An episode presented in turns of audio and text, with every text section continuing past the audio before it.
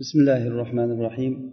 إن الحمد لله تعالى نحمده ونستعينه ونستغفره ونستهديه ونعوذ بالله تعالى من شرور أنفسنا وسيئات أعمالنا. إنه من يهده الله فلا مضل له ومن يضلل فلا هادي له. ونشهد أن لا إله إلا الله وحده لا شريك له. ونشهد أن سيدنا وإمامنا وأستاذنا وقدوتنا محمدا عبد الله ورسوله. صلى الله عليه وعلى آله وصحابته ومن تبعهم بإحسان إلى يوم الدين وسلم اللهم تسليما كثيرا وبعد alloh subhanava taolodan madad so'rab fiq darsimizni ikkinchi darsimiz bu alloh subhanava taolo kimgaki agar yaxshilikni xohlasa uni dinida faqih qilib qo'yadi rasululloh sollallohu alayhi vasallam aytganlari kabi kimki dinida tushunchalik bo'lsa bu odam fitnaga tushmaydi. Xuddiki huzayfat ibn yaman roziyallohu anhu aytganlari kabi agar kimiki dinini bilsa o'zini dinini bu dinini bilgan kishi fitnaga tushmaydi dedilar. Ya'ni biz dinimizda faqih bo'lishligimiz musulmon o'laroq bu narsa har birimizni vojibimiz bo'ladi. Bizni shariatimiz nimalarga buyuradi nimalardan qaytaradi? Va shariatni tabiati bizni shariatimiz o'zi nima bu? Mana shu narsani tushunishlik uchun allohdan madad so'rab biz maqosidi sharia degan moddada dars boshlagan edik va o'tgan darsimizda maqosidi sharia o'zi nima ekanligini uni tarifini va maqosidi sharia o'zi shariatni bir maqsadi borligi bormi maqsadi deganda shuni isboti haqida gapirgan edikki bor. Bunga qur'ondan misollar aytdik va rasululloh sollallohu alayhi vasallamni ishlaridan va sahobalarni fe'llaridan abu bakr roziyallohu anhu va umar ibn xattobni ba'zi bir e, ishlarini biz misol tariqasida aytib o'tgan edik. Bugungi darsimiz shu darsni e, davomi desak ham bo'ladi. Ya'ni e, shariatni maqsadlari har bir hukmlarni shariat bizga buyurgan paytda va qaytargan paytda o'shandan shariat maqsad qilgan dedik. Mana shu shariatni maqsadini biz qayerdan bilamiz? degan savol. Shariatni maqsadi bormi desa bor dedik. Kecha aytdik buni shariatni maqsadi bor ekanligini isbotladik. Shariat har bir buyrug'ida har bir qaytargan narsasida albatta bir narsani maqsad qilgan. Masalan shariatni maqsadlaridan biri yer yuzida fasodni yo'q bo'lishligi. Buni hamma biladi. Johil avom ilmli hamma kishi bu narsani biladiki shariatni maqsadlaridan biri yerda yerda fasodni yo'q bo'lishligi va zararni yo'q bo'lishligi va shariatni yana maqsadlaridan biri alloh subhanava taolo muhsinlarni yaxshi ko'rar ekan. Buni qayerdan bildik buni har bir odam biladi ehson qilsa yaxshilik ishlarni qilsa alloh taolo o'shani yaxshi ko'radimi desa albatta yaxshi ko'radi. Buni oddiy ilm o'qimagan musulmon bo'lgan kishilar har biri biladi bu narsani. Demak shariatni maqsadlari deganda shu narsalar nazarda tutamiz. Masalan shariatni maqsadlaridan biri zulmni ko'tarib yuborishlik zararni yo'qotishlik. Dunyoyu oxiratda insonlar zararga tushmasin dunyoyu oxiratda zararga tushmasin. Mana bu narsalar shariatni maqsadlari dedik. Bu maqsadlarni biz qanday bilamiz? Birinchisi shar'iy maqsadlarni bilishlikni birinchi yo'li shar'iy nususlarda ya'ni qur'oni sunnada ochiqchasiga aytib qo'yiladiki mana shuni olloh yaxshi ko'radi olloh mana shuni xohlaydi. Masalan rasululloh sollallohu alayhi vasallam aytadilarki alloh taolo uchta narsani yomon ko'radi. Qiyl va qol va kafratu sual va idoatul mal va boshqa bir rivoyatda va manaa va hati. Ya'ni alloh taolo mish mish gaplarni tarqatishlikni yomon ko'radi. Va ko'p so'rashlik ya'ni bu ko'p so'rash deganda foydasiz savollarni so'rashlik degani foydasiz amal uni tagiga amal tartib topmaydigan hech bir foydasi yo'q bo'lgan yoki bir so'raladigan kishini sinash uchun so'ralingan savollar yoki bir xilofni atayib odamlar ichida bir teskarichilikni keltirib chiqarish uchun so'ralingan savollar o'zini ko'rsatish uchun so'ralingan savollar. Muhim foydasiz so'rashlik. Mana shuni alloh taolo yomon ko'radi. Va yana molni zoyi qilishlikni alloh taolo yomon ko'radi. Bekordan bekorga molni zoyi qilib turib uchragan narsasini sotib olishligi uchragan joyga behudaga masalan o'yin kulgularga lahularga million million pullarni odamlar ko'rasiz sarflab yuborayotganligini. Biz bilamizki alloh taolo mana bu ishni yomon ko'radi. Demak shundan bildikki shariat mana bu mana bu mana bu ishlarni yomon ko'rar ekan. Yoki boshqa bir oyatlarda ochiq alloh taolo aytadiki alloh taolo yerda fasod qilishlikni yaxshi ko'rmaydi. Shundan bildikki shariatni maqsadi fasodni yo'qotish ekan zulmni alloh taolo zolimlarni yaxshi ko'rmaydi deb bir qancha joyda alloh taolo zolimlarni halok qilganligi to'g'risida qancha oyatlar qancha hadislar bor. Hammamiz bilamiz buni. Demak shariatni maqsadini qayerdan bilamiz ekan? Nususlarda mana shu nusus degani qur'oni sunnada kelgan dalillar.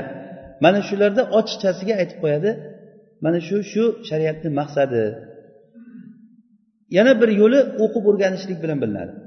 Ya'ni o'qib o'rganishlik degani bu shundayki shariatni agar kim hukmlarini tekshirib chiqsa boshidan oxirigacha. Buni shotibiy rahimaulloh muvaffaqatda al istiqrou tam av qaribun minat tamam deb ta'bir qiladilar.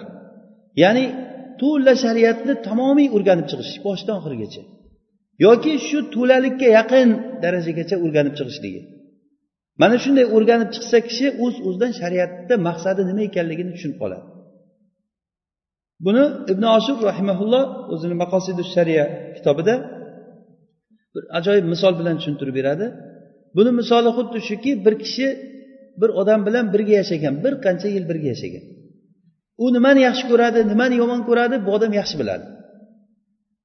Keyin boshqa bir ishlar chiqib qolsa u odamni hali men buni yaxshi ko'raman men mana uni yomon ko'raman demagan. Lekin aytmasa ham o'sha odam shu odam shuni yaxshi ko'rishligini biladimi?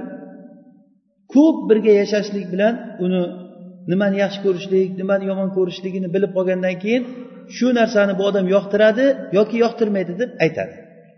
Mana bu narsa o'qib o'rganishlik ya'ni arab tilida buni al istiqro deyiladi.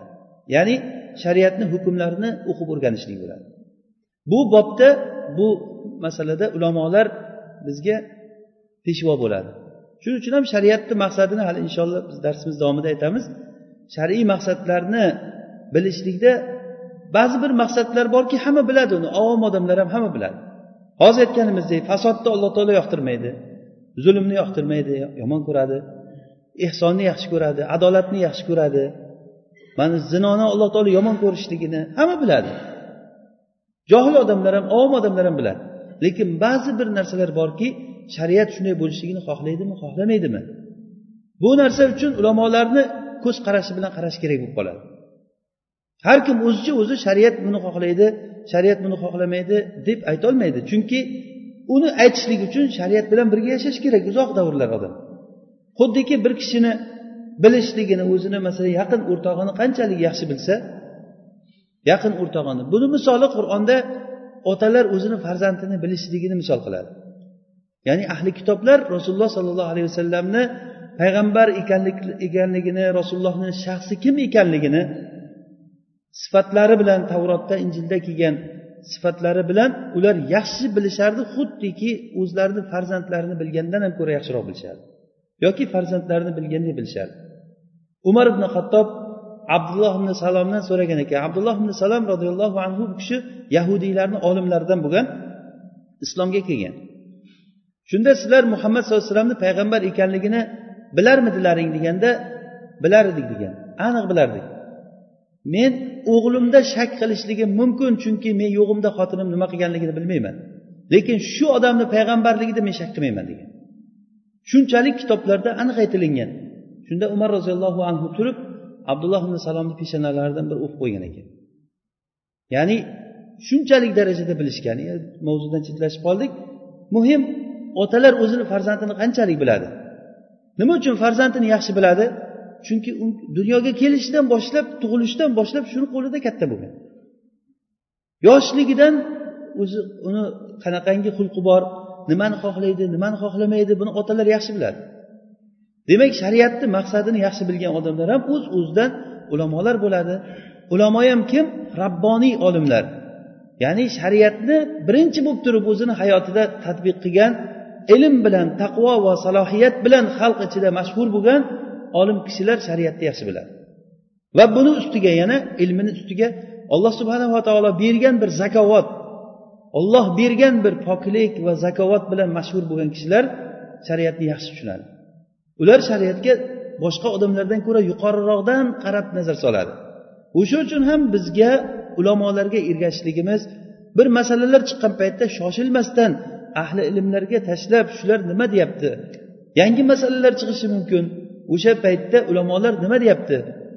Mana bu yoshlarni ilm o'qimagan ilmsiz bolalar ilmsizligi bilan e bu ilmlilar hammasi sotilib ketgan degan davo bilan ulamolarga tamoman quloq solmay ketishlik holatlarini ko'rib odam achinadi. Bu narsa juda ham shaytonni arqonlaridan biri. Agarda shu ulamolar agar ollohdan qo'rquvchiroq bo'lmasa kim ollohdan qo'rqadi? Alloh taolo qur'onda aytganki min ibadihil ulama ollohdan olim kishilar ollohdan qo'rqadi deyilgan. Endi biz ulamo deganda odamlar ulamo deydigan qo'shtirnoq ichidagi olimlarni aytmaymiz. Ulamo deganda haqiqiy rabboniy ilmdan xabari bor bo'lgan salohiyat va taqvo bilan mashhur bo'lgan olimlar haqida gap ketadi. Demak birinchi yo'li qur'onda hadisda maqsadni ochiq aytilinadi ikkinchisi o'qib o'rganishlik yo'li bilan bilinadi. Xuddiki ibn ashir rahimaulloh aytganlari kabi bir kishi bir odam bilan birga yashab uzoq vaqtlar uni tajriba qilib ko'rsa shuni nimani xohlashligi nimani xohlamasligini bu odam yaxshi biladi. Yana bir shariat maqsadlarini bilishlik yo'li sababi nuzulni bilishlik. Ya'ni sababi nuzul degani oyatlarni nozil bo'lishligida bir voqealarga bog'lanib bo'ladi ba'zi oyatlar. Sababi nuzul bo'ladi ya'ni ko'p aksar oyatlar shunaqa. Bir voqea bilan birga keladi. Mana shu voqeani tarixni yaxshi bilib turib shariat mana shu narsa kelgan paytda oyat nozil bo'lgan paytda yoki sabab e, hadislarni sababi vurudi rasululloh sollallohu alayhi vasallam shu hadisni aytgan paytlarida nima uchun aytgandilar? Buni yaxshi bilishlik buni yaxshi bilishlik shariatni maqsadini tushunishlikka olib keladi. Buni misolida biz e, o'tgan darsimizda xudomat ibn mazun roziyallohu anhu bu kishi aroq ichib mast bo'lib qolganligini misolini aytgan. Edik nima uchun mast bo'lgan u kishi shu sababi nuzulni yaxshi tushunmagan? Oyatni sababi nuzulini tushunmagan. Ya'ni yana bir takrorlab o'tsak shom ahlidan bir qancha jamoat shu jumladan xudomat ibn mazun ham aroq ichib mast bo'lgan. Shunda umar ibn hattobni oldiga olib kelingan paytda nimaga ichdilaring deganda aroq halolligi uchun ichdik degan. Bu juda katta xato bu narsa. Aroqni ichish o'zi bir xato. Uni halol deyishlik undan ko'ra kattaroq xato. Olloh harom qilgan narsani halol deyishlik. Shunda umar aytganki qanday jur'at qilib gapiryapsan bu gapni? Degan paytda aytdilarki u kishi aytdiki alloh taolo qur'onda aytadiki laysa alallazina amanu va amilus solihati junahun fima ta'imu.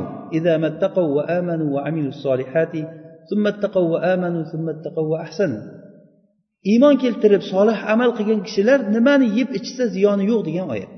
Oyatni zohiriga qarasangiz ma'nosiga iymon keltirib solih amallarni qilgan taqvodor bo'lgan kishilar nimani yeb ichgan bo'lsa uni ziyoni yo'q deyilyapti mana biz iymon keltirdik solih amallarni qildik. Umar aytganki bu yerda taqvo qilsa ham deyilyaptiku sen taqvo qilganingda ichmagan bo'larding degan. Lekin baribir shubha qoim ya'ni shubha bor. Shunda ibn ibn abbos roziyallohu anhu aytdilarki bu oyatni bular noto'g'ri tushunibdi. Men buni sizlarga tushuntirib beray. Bu oyatni nozil bo'lishligini sababi bor.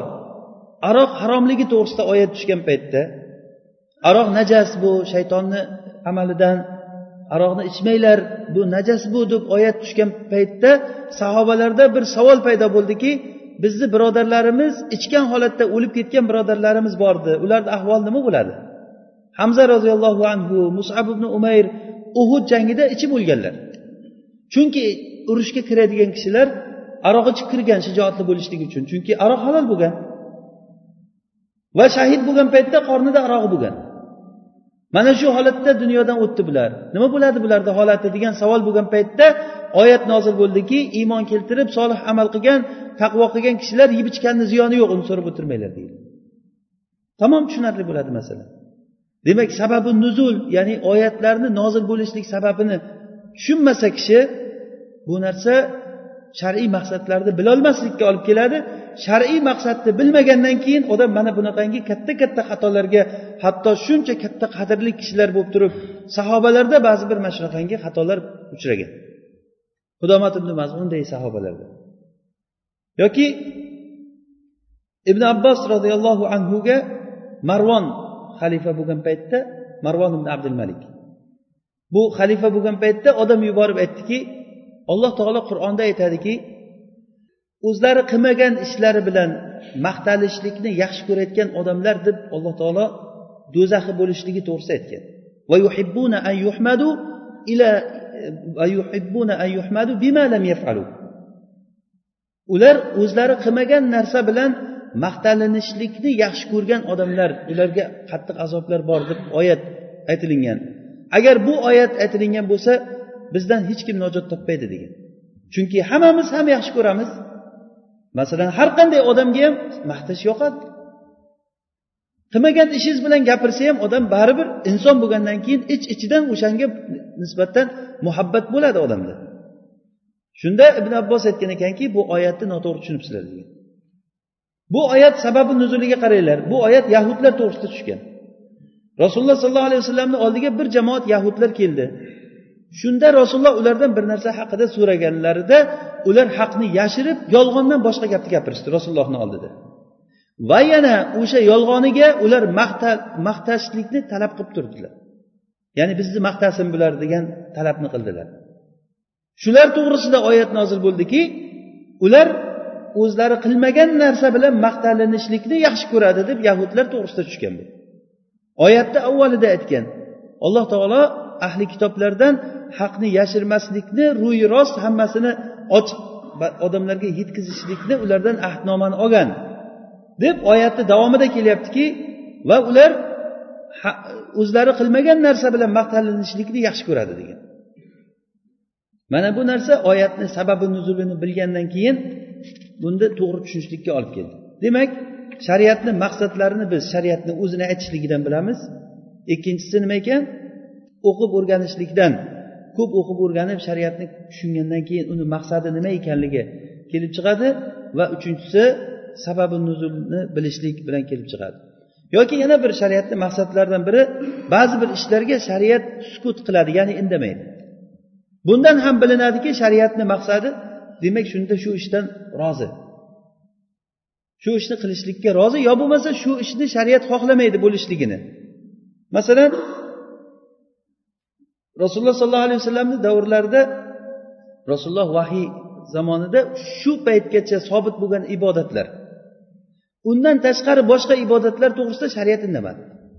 Masalan besh vaqt namozni aytdi oltinchi vaqt namoz yo'q. Demak shundan biz ayta olamizmi? Shariat olti vaqt namozni xohlamaydi deb ayta olasizmi?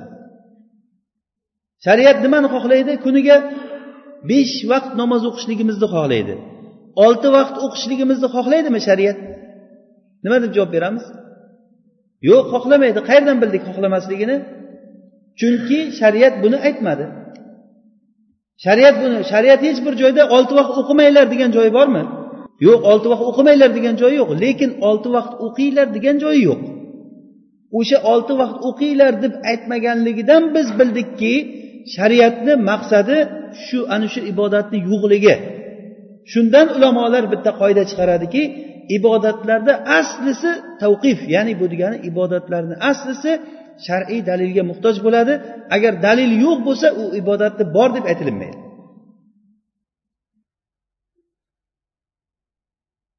Har bir odam maslahat va mafsada bu maqosid haqida gapirganimizda biz o'tgan darsimizda aytdikki shariat bizga foyda olib keldi.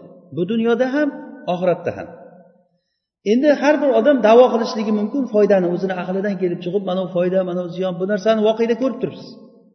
Hatto odamlar shu darajagacha boradiki foyda ziyon bilan o'lchanadigan bo'lsa hatto olloh harom qilgan narsani foyda ziyon deb o'zicha o'ylab uni halol dedi. Olloh halol qilgan narsani harom dedi. Harom qilgan narsani halol dedi. Bir xil odamlar chiqib aytdiki merosda nima uchun erkak bilan ayol bir biridan farqlanilingan? U ikkalasini teng qilish kerak deyildi. Erkak bilan ayolni huquqi teng bo'lishi kerak dedi. Nima uchun desa bu shariat foyda uchun kelgan ayolni foydasini o'ylayapmiz dedi ular. O'zlaricha ular foyda o'ylayapti odamlarga rahmi kelyapti. Ayollarga rahm qilyapti. Ayollarga rahm qilib uni ustidagi hijobini yechib oldida chiq sen ham erkaklar bilan birga yur ko'chalarda deb ayollarni ko'chaga chiqarib yubordi. Kim qiynaldi keyin? Natijada ayollarni o'zi qiynaldi. Ko'rib turibmiz buni voqeda qanchalik darajada ayollarni haraj holatga juda ham juda qattiq qiyinchiliklarga tushgan holatini. Yoki merosda erkak bilan ayolni teng qilishlikni o'zlaricha foyda deb o'yladi shuni. Hattoki zino qilgan paytda buni foydasi bor deb zino qiladigan odamlar bor. Kimnidir men hojatini chiqaryapman shariat u foyda deyotgan bo'lsa men ham o'zimga o'zimga o'zim foyda ish qilyapman. Yoki foyda deb farzandlarni boqishlik foyda bo'layotgan bo'lsa harom yo'l bilan pul topib kelib turib farzandlarni boqadida o'ziga o'zi sabab qidiradiki foyda bo'lyaptiku har qalay deyiladi yoki pulni ko'paytirishligini ayting. Buni misolini aytavering tugamaydi bu. Hozirgi kunda buni misoli tugamaydi. Shariatga ochiqdan ochiq shariatga shu mumkin emas bunday bo'lishligi. Mana bunday bo'lishligi mumkin emas. Oxiri shu darajagacha bordikki qisqasi gap qisqasi qur'on bo'lmas ekan hozirgi degan xulosaga kelindi. Chunki foydasi yo'q. Foyda ziyon deb o'ylab mana shu darajagacha kelindi. Shariatda masalan aytiladiki ko'pchilikni manfaati bir kishini manfaatidan oldinga qo'yiladi deyilgan. Ya'ni maslahatul amma muqaddamatun ala maslahatil xossa deyiladi. Ya'ni umum jumhurni foydasi bir kishini bir xos bir kishilarni foydasidan oldinga qo'yiladi. Masalan bir odam tijorat qiladi tijoratida aroq olib kelib sotadi masalan. Foyda o'zi ichmaydi. Lekin pul ko'paytiryapti. Puliga masjid qurib berishi mumkin ertaga masalan. Hajga borib kelishligi mumkin o'sha pulga. Foyda qancha ehsonlar qilishligi mumkin bu puliga. Lekin bu pulni orqasida qancha zarar yotibdi kimga zarar tegyapti buni? Musulmonlarni farzandlarini nasha sotib muhaddiratlar giyohvand moddalarni sotib qancha odamlar zaharlanib zaharlab ular o'zlari foyda ko'ryapti. Mana bu foydasi bor bir kishiga lekin ziyoni qancha odamlarga bor. Va o'sha foyda ham vaqtinchalik foyda. Odamlar ba'zi narsalarni foyda deb o'ylaydi. O'zini o'ylashicha u foyda deb o'ylaydi. Masalan harom yo'l bilan bir kishidan pulni o'ndirib oldimi? Bo'ldi men yutdim deb o'ylaydi. Bugun menga xudo berdi deydi. Nima bo'ldi desa bittasini aldab pulini olgan bo'ladi. Unisi ham hayron qoladiki boplabsanku deydi. Olloh beraman desa o'zi beraveradi shunday deydi. Ollohni berishligi deb tushunadi uni. Unga olloh berdimi yo olloh urdimi uni? Uni kengroq nazar bilan qarayotgan bo'lsak bu umuman noto'g'ri tushunchadan kelib chiqyapti. Demak bizga o'z uz o'zidan bir qoidani tushunishligimiz kerakki foyda va ziyonni biz qaysi ko'zoynak bilan qarab foyda va ziyon degan narsani shariatni maqsadi degan narsalarni biz qaysi ko'z bilan qarashligimiz kerak. Bugungi asosiy darsimizda ko'zda qaratilgan narsa shu edi. Hozirgacha o'tganimiz kechagi darsni davomi desak ham bo'ladi. U kechagi darsda biz shariatni maqsadi bor ekanligini isbotladik. Hozirgi esa shariatni maqsadini qanday bilishlikni aytib o'tdik. Shulardan biri yana takror aytamiz shariat o'zi ochiq aytadi meni maqsadim shu. Men zolimni yomon ko'raman men zararni yomon ko'raman men fasodni yomon ko'raman muhsinlarni yaxshi ko'raman. Alloh taolo agar bittalaring taom yesa o'sha taomiga hamd aytib ollohga hamd aytishligini olloh yaxshi ko'radi dedi rasululloh sollallohu alayhi vasallam.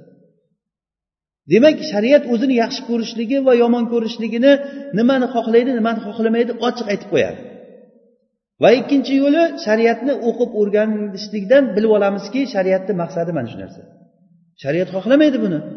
Shariat buni yomon ko'radi degan narsani buni kim biladi? Buni ilmli ahli ilm kishilar yaxshi biladi bu narsani. Ya'ni shariatni o'qib o'rganib yaxshi tanishgan odamlar. Uchinchisini nima dedik? Sababi nuzulni bilishlik. Shariatni sababi nuzul yoki hadislarda sababi vurud deyiladi. Oyatlarni nozil bo'lishligidagi voqealarni bilishlik. Bu narsa shariatni maqsadi. Shu yerda nimani maqsad qilgan nima maqsadda aytildi bu gap? Buni yaxshi bilishlikka olib keladi.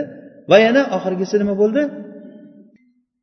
Shariatni bir amallarga indamay qo'yishligi. Xuddiki besh vaqt namoziga bo'ldimi sobit bo'ldi oltinchisiga indamadi. Demak shundan bildikki shariatni maqsadi oltinchi namoz yo'q ekanligini bildik. Har bir odam foyda ziyonni davo qilaverganligi uchun ulamolar bir odamlarga tushuntirishlik uchun ularni bir E, nizomga solishlik uchun buni ilmiy tilda aytganda zavobitlar deb aytalinadi.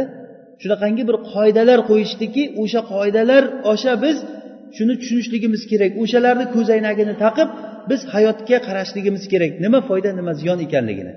Aks holda hamma odam foyda ziyon to'g'risida gapirib gapirib mana hozir voqeada ko'rib turibmizki shu darajagacha keldikki oxiri xulosa qur'oni sunna hop bo'lmas ekan. Foyda ziyonni o'ylab qarasak bo'lmas ekan. Bir erkak bitta ayolga uylanishi kerak tamom shu bilan o'lib ketishi kerak. Chunki ayolni foydasi o'ylanilyapti. U yig'laydi siqtaydi mazlum bo'lib qoladi birovni boqqan qizi bir odamni qo'lini ostida mazlum bo'lib qoladi. Qiz o'sha ayolni foydasini o'ylab o'ylab erkak kishiga ikkinchi yoki uchta to'rtta xotin olishlikni harom qildi odamlar. Mumkin emas odamlar shu darajagacha bordiki o'sha odamga xotinboz jamiyatdagi bir maishatini o'ylagan odam degan nazar bilan qaraydigan bo'lib qoldi odamlar u dinsiz odamlarni aytmaymiz biz. Shu namoz o'qib yurgan hajga borib yurgan boshqa amallarni qilib hammaga salohiyatni davo qilib yurgan odamlar bular. Nima uchun desa foydani o'ylab qilyapti shu ishni o'zlaricha. Chunki ayolni foydasi o'ylanilyapti bu yerda. Lekin bu odam nima uchun bitta bu ayolni foydasini o'ylayaptida boshqa jamiyatdagi ayollarni foydasini o'ylamayapti? U ayollar nima qilishi kerak jamiyatdagi boshqa ayollar? Bu bitta ayol kishini nomusini saqlashdagi foyda bu. Undan tashqari odam ko'paytirishlikchi. Shariatni katta ulkan maqsadlaridan biri hali inshaalloh darsimizda buni aytamiz naslni saqlashlikni shariat qasd qilgan ya'ni shar'iy maqsadlardan biri inson naslini bu qiyomat kunigacha bo'lishligini shariat xohladi. Mana shu uchun nikohni vojib qildi sunnat qildi nikohni. Va shuning uchun nasablarni saqlashlikka buyurdi. Idda degan masalalar bor. Ayol kishi taloq qilinsa iddada o'tiradi. Va bunga o'xshagan qancha nimalar? U odam o'ldirishlikni harom qildi. Odam o'ldirishlikni eng yomon harom holatiga chiqardi. Hattoki shunday darajada ta'kidlab aytdiki aroq ichishlik yoki shirkka kelmagan va'da e, nimani qo'rqitishlikni odam o'ldirishlikka aytgan. Innahu man yaqtul mutaammidan fajazauhu jahannam fiha va alayhi a'adda lahu kimki agar bir jonni qasddan o'ldirsa bir mo'min kishini qasddan bir odam o'ldirsa fajazauhu jahannam uni joyi jahannamda bo'ladi. Unda mangu qoladi bu odam jahannam jahannamda. Olloh unga g'azablaydi olloh uni la'natlaydi va unga alamlik qattiq azob bor. Bu shirkka bunday kelmadi. Shirk kechirilmaydi to'g'ri kechirilmaydigan gunoh deyildi. Shirk eng katta gunoh desa shirk deyildi. Lekin shirkka bunchalik darajada vaid ketma ket bunchalik vaid qilmadi. Demak shariatni maqsadlaridan biri mana shu insoniyat naslini saqlab qolishlik. O'sha uchun qisos olishlikni shariat qildi shariat. Odamlar bir birini o'ldirishlikni hattoki bir birini so'kishlikni shariat harom qilib qo'ydi chunki bu so'kishlikni orqasidan bir birini o'ldirishlik kelib chiqadi. Bir biriga olib keladi. Hattoki o'sha shariat maqsad qilgan narsaga olib boruvchi narsalarni harom qilib qo'ydi. Shariat maqsad qilgan narsa bo'lishligi kerak bo'lgan narsaga olib boruvchi narsalarni vojib qilib qo'ydi. Hattoki ba'zi bir harom qilgan narsalarini o'sha joyda halol qildi. Masalan naslni nasabni saqlashlik uchun shariat nima qildi? Zinoni harom qildi chunki zino ko'paygan joyda nasl nasab yo'qoladi. Odam ko'payishligi nasl nasab yo'qoladi zino bo'lgan joyda. O'sha narsalarni harom qildi va bu zinoga olib keluvchi hamma yo'lda harom qildi. Ayol kishi erkak kishi bilan xoli qolishlikni harom qildi. Ajnabiya ayollarga bir marta ko'z tushgandan keyin ikkinchi marta qaytib qarashlikni shariat harom qildi. Buni zino deb aytdi ko'z bilan qilinadigan zino deyildi bu narsa. Nima uchun buni harom qildi? Chunki bu haromga olib kelayotgan narsa bo'ldi. Mana shu olib keluvchi bo'lgan narsalardan ba'zilarini hojat bo'lgan paytda boshqa bir maqsad uchun aynan shariatda o'zi bularni harom qilganligini maqsadi nima? Odamni naslini saqlab qolishlikmi? Mana shu nasl saqlashlik uchun uylanish ham kerak uylanish uchun ayolni ko'rish kerak. O'sha uchun nikohsiz ham uylanmoqchi bo'lgan ayolini ko'rishlikni u bilan gaplashishlikni shariat halol qildi. Va yoki bo'lmasa o'limtiklarni harom qildi. Nima uchun? Odam naslini saqlashlik uchun. Odamga zarar bo'ladi bu o'lgan narsalarni go'shtini yeyishlik odamni jonini saqlashlik uchun shariat shu narsani harom qildi va agarda ochdan o'ladigan bo'lsa shu jonni saqlashlik uchun unga halol qildi shuni yeyishlikni. Chunki uni yemasdan o'tirishligi u haromdan saqlanishlik bo'ladi. Agar yemasdan ochidan o'lsa nafs o'ladi shu yerda. Shariatni qo'ygan maqsadi eng katta maqsadlardan biri naslni inson nafsini shu dunyoda boqiy bo'lishligi ya'ni boqiy deganligimiz qiyomat kunigacha mana shu insonlar qolishligini xohladi.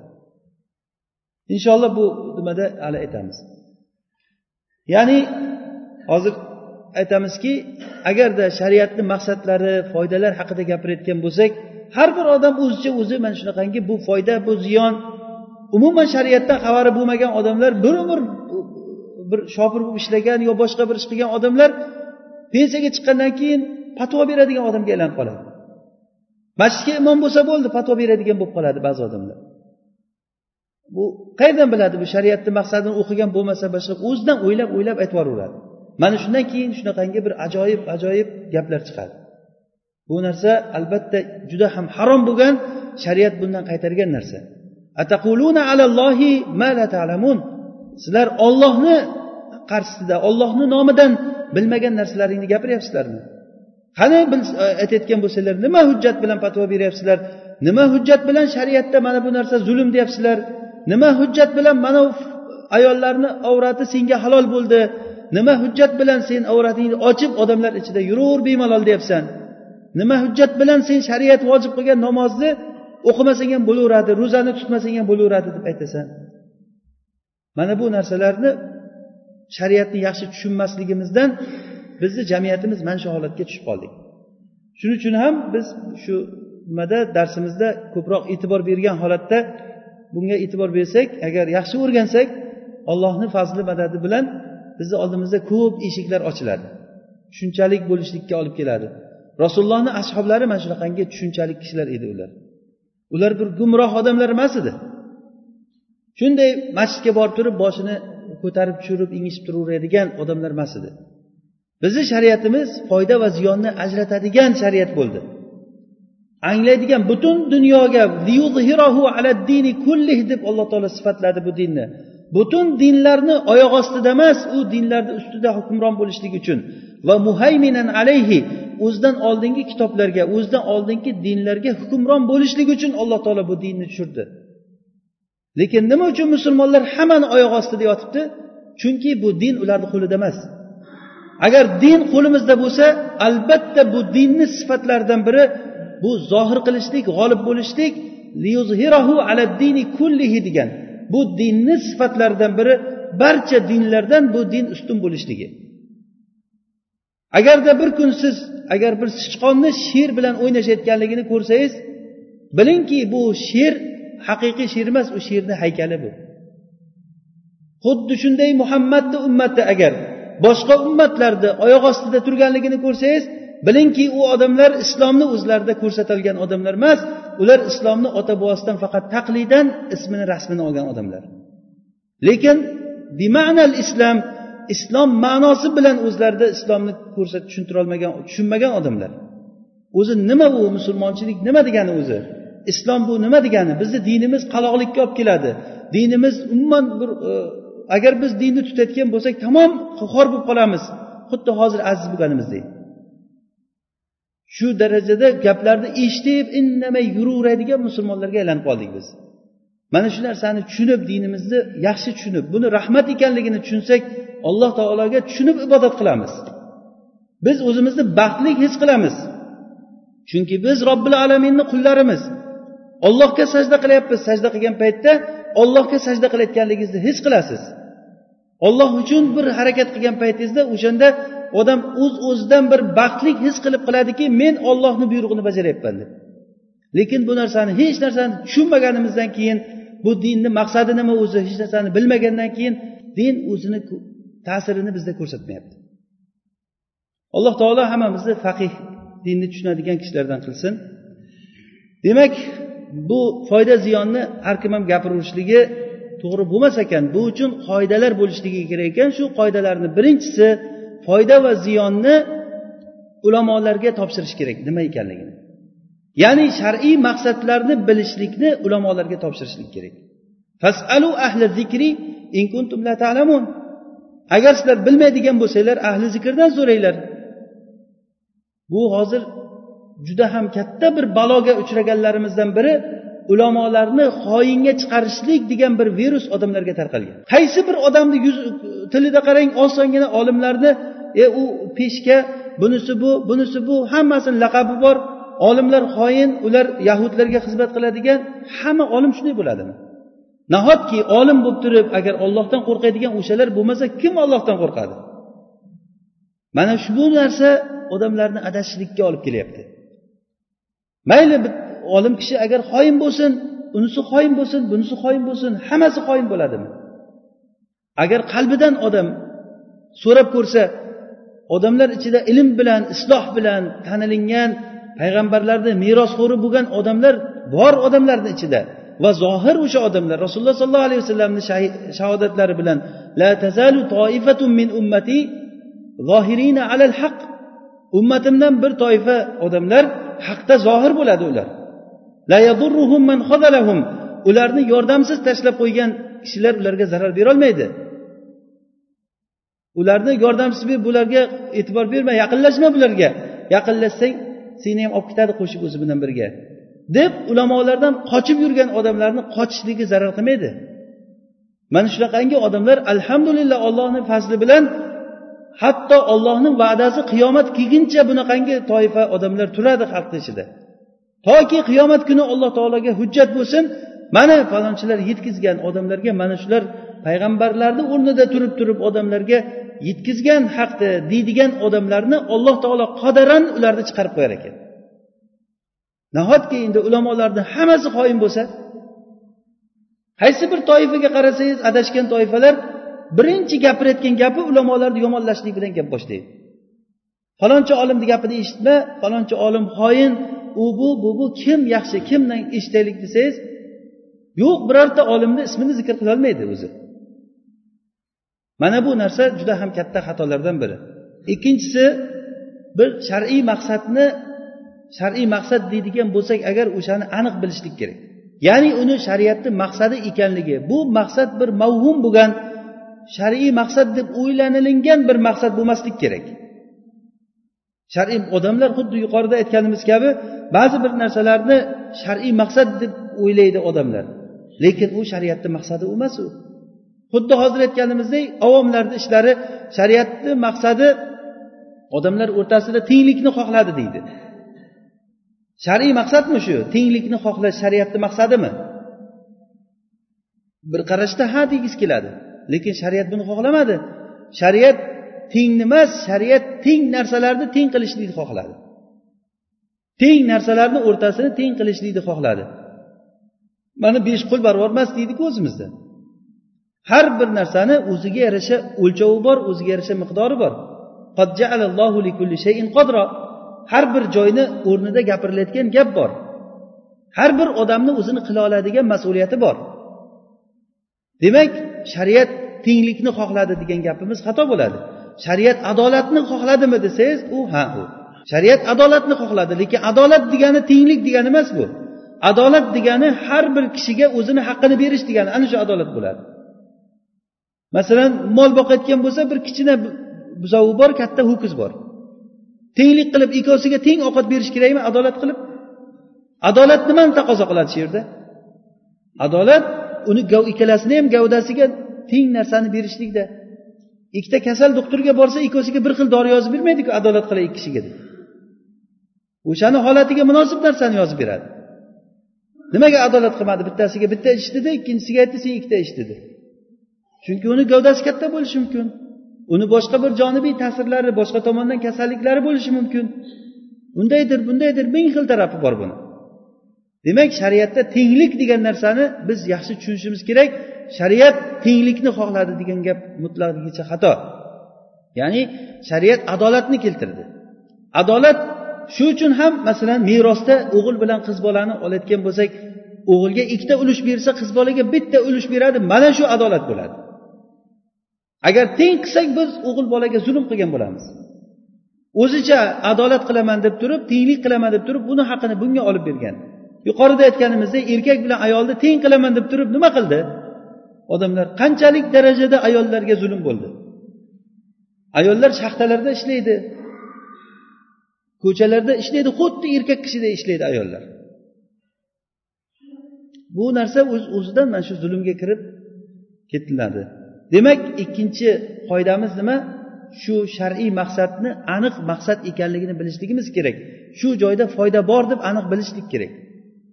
Bu narsani biz oddiy misollarda juda yam yaxshi tushunamiz. Masalan bir odam kasal bo'lsa shu odamni doktorga olib borilgan paytda doktor operatsiya qilish kerak bo'lsa agar shuni amaliya qilish kerak bo'lsa doktor nima deb o'ylaydi? Shunda agar operatsiya qilsak shu yaxshi bo'ladi deb turib agar ko'p gumoni shunga o'ylasa o'shandagina uni qornini yoradi. Bir yorib ko'raylikchi qanday bo'lar ekan deb yormaydi uni. Bo'lsa bo'ldi bo'lmasa tikib qo'yaveramiz ishtimi yo'qotmaysan deb. Bunday qilgan doktorni sen nima qilyapsan deydi o'ynayapsan odamlar bilan deydi. Hamma odam tushunadi bu narsani. Hech iloji yo'qmi boshqasida? Doktor oxiriga aytdi yo'q yormasa bo'lmaydi. Hamma tomonni ko'rdik ukol qildik dori qildik mana bo'lmadi. Oxirgi yo'l o'shandan keyin ham yaxshi bo'lib ketasanmi? Desa bu ollohdan yaxshi bo'lmasligi ham mumkin lekin yaxshi bo'lishlikka gumon ko'proq. O'sha ko'proq tomoniga qarab yuramiz. Shariatda ham xuddi shunga o'xshaydi. Ya'ni ba'zi bir narsalar bor odamlar foyda deb o'ylaydi lekin u foyda bo'lmasligi mumkin u mavhum foyda deb ko'rilingan narsa bo'lishligi mumkin. Mana shu uchun uni foyda ekanligini bilishlik kerak. Bu ham birinchi aytgan shartimizga boradiki buni qanday bilamiz shariatni maqsadi ekanligini? Darsimizni boshida boshladik to'rt xil yo'l bilan dedikku shariat uni ochiq aytib qo'yadi o'zi ikkinchisi o'qib o'rganish yo'li bilan uchinchisi sababi nuzulni bilishlik bilan to'rtinchisi shariat bir narsalarga sukut qilgan ya'ni shariat indamay qo'ygan narsalardan shuni ruxsat yoki ruxsat emas ekanligini bilamiz. Yana bir uchinchisi shu narsa haqiqatdan shar'iy foyda ekanligini bilishligimiz kerak. Ba'zi bir odamlar foyda deb o'ylagan narsalari bor. Masalan xitoyni olsangiz masalan katta davlat o'zini iqtisodi bilan o'zini bu odamini ko'pligi bilan kuchi bilan butun ko'p odamni log' qoldirayotgan davlat. Lekin ular foyda deb o'ylayotgan narsalari masalan o'zlaricha o'zlari nimalarni o'zlariga halol qilmadi? Hamma narsani yeydi. Va ba'zi bir ibodatlarni qarasangiz o'sha qilayotgan ishlarini foyda deb masalan mushriklar ommatan butun dunyoda kim shirk keltirgan bo'lsa ollohdan boshqaga ibodat qilayotgan odamlar nima deb ibodat qiladi? Shu foyda beradi deydimi?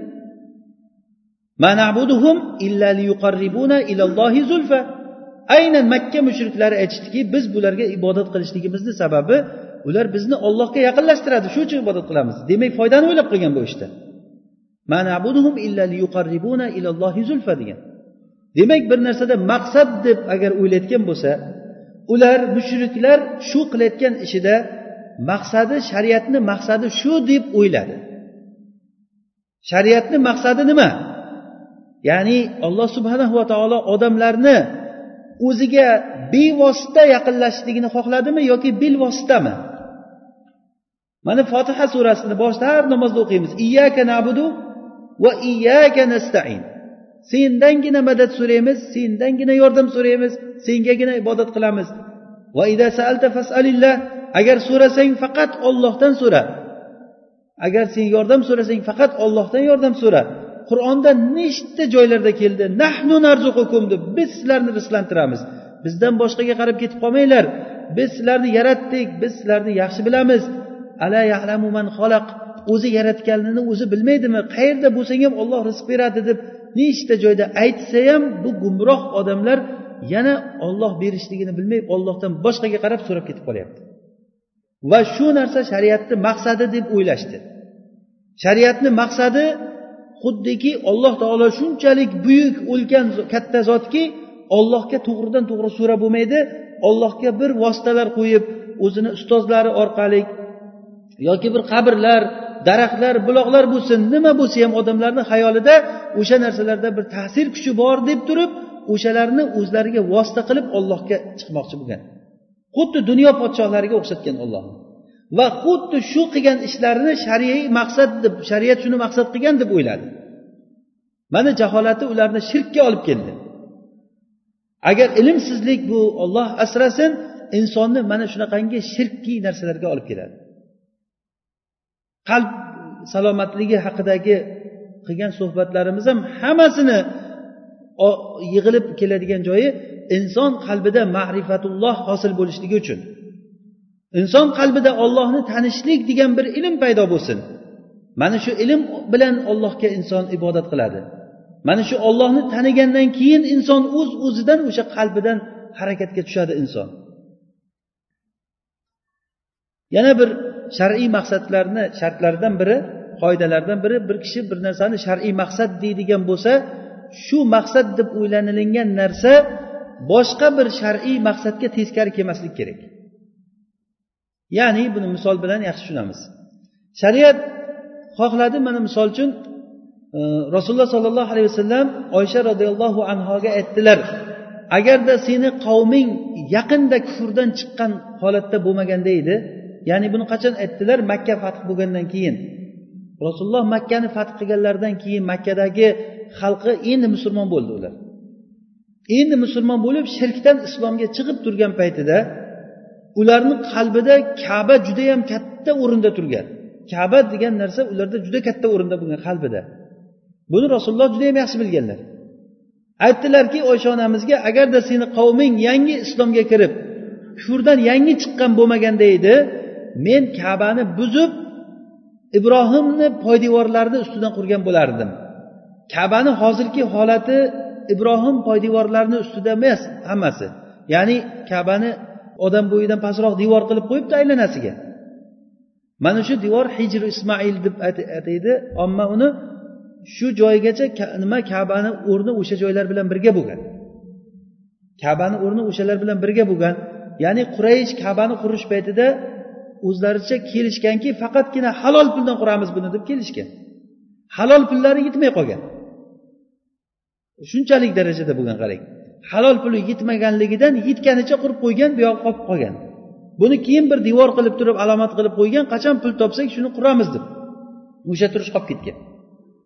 Rasululloh aytdilarki agarda men qavming yangi islomga kirgan kufrdan endi chiqqan bo'lmaganda edi shu kabani buzib uni ibrohim poydevorlaridan qurardim va unga ikkita eshik qilardim. Bitta kiradigan eshik bitta chiqadigan eshik qilardim dedilar. Eshiklarni pastga yer barvor qilib tushirardim dedilar. Demak bu shar'iy foydami shu narsa. Kaba o'zini devor poydevorni o'rtasida bo'lishligini shariat xohlabdimikan? Qayerdan bildik xohlaganligini? Rasululloh o'zlari aytib o'tiribdilar man shunday qilardim dedi. Demak shariat shuni xohlagan. Rasululloh shori rasululloh sallallohu alayhi vasallam aytdilar ochiq mana mana shuni qilardim men. Dedilar lekin bu foydani qilishlik boshqa bir shar'iy o'ylanilgan foydaga teskari kelib qoladi. U foyda nima? Odamlarni dinda turishligi. Odamlar agar kabani rasululloh buzadigan bo'lsalar kabani buzadigan bo'lsalar yangi islomga kirgan odamlar ye bu kabani buzib yubordi deb turib yana kofirlikka qaytib kelib qolishi mumkin. Ana o'sha zaif odamlar kofir bo'lib ketib qolmasin deb turib mana bu yerda bitta maqsad qilgan narsasini qilmayapti. Naryoqda bitta katta bir maqsadga teskari kelib qoladi. U maqsad odamlarni dinda turishligi. Xuddi shu masalani boshqa narsalarga tadbiq qilishni o'rganishimiz kerak. Bu bizga katta bir fiqh eshigini ochib beradi. Masalan fotihadan keyin valadollindan keyin amin deyishlik mustahab. Mustahab ya'ni bu fuqarolar o'rtasidagi xilofiy masala. Abu hanifa va imom molik mazhabida aminni sirriy aytilinadi degan. Shofiy mazhabda hambaliy mazhabda aminni oshkora aytilinadi degan. Ikkala tomonni ham o'ziga yarasha dalillari bor. Ya'ni ikkala tomon ham mazhab mo'tabar bo'lgan mazhab. U ham o'ziga yarasha dalili bor bu mazhabni ham o'ziga yarasha dalili bor xilofiy masala. Masalan bir kishi shofiy mazhabga hambaliy mazhabga ergashgan holatda valaddolindan keyin amin deyishlikni o'ziga e'tiqod qiladi shunga amal qilishlikka o'tgan. Dalil bilan albatta. Endi bir hanafiylar yashaydigan bir diyorda yashab turgan paytda agar amin deydigan bo'lsa foydasi bor. U foydasi o'zini e'tiqod qilgan mazhabiga hadisga amal qilgan bo'ladi mustahabni qilgan bo'ladi. Lekin uni ziyonida nima turibdi uni muqobil tarafida? Qancha ziyon bor uni orqasida? Musulmonlarni bir biriga qalbi teskari bo'lib qolishligi bor. Buni ko'rdik hammamiz bu narsani. Musulmonlar qalbini bir bo'lishligini shariat xohladimi? Shariatni xohishi shariatni maqsadlaridan biri musulmonlarni o'rtasida ulfat bo'lishligimi? Demak mana bu yerdagi aminni aytishligi shar'iy maqsad.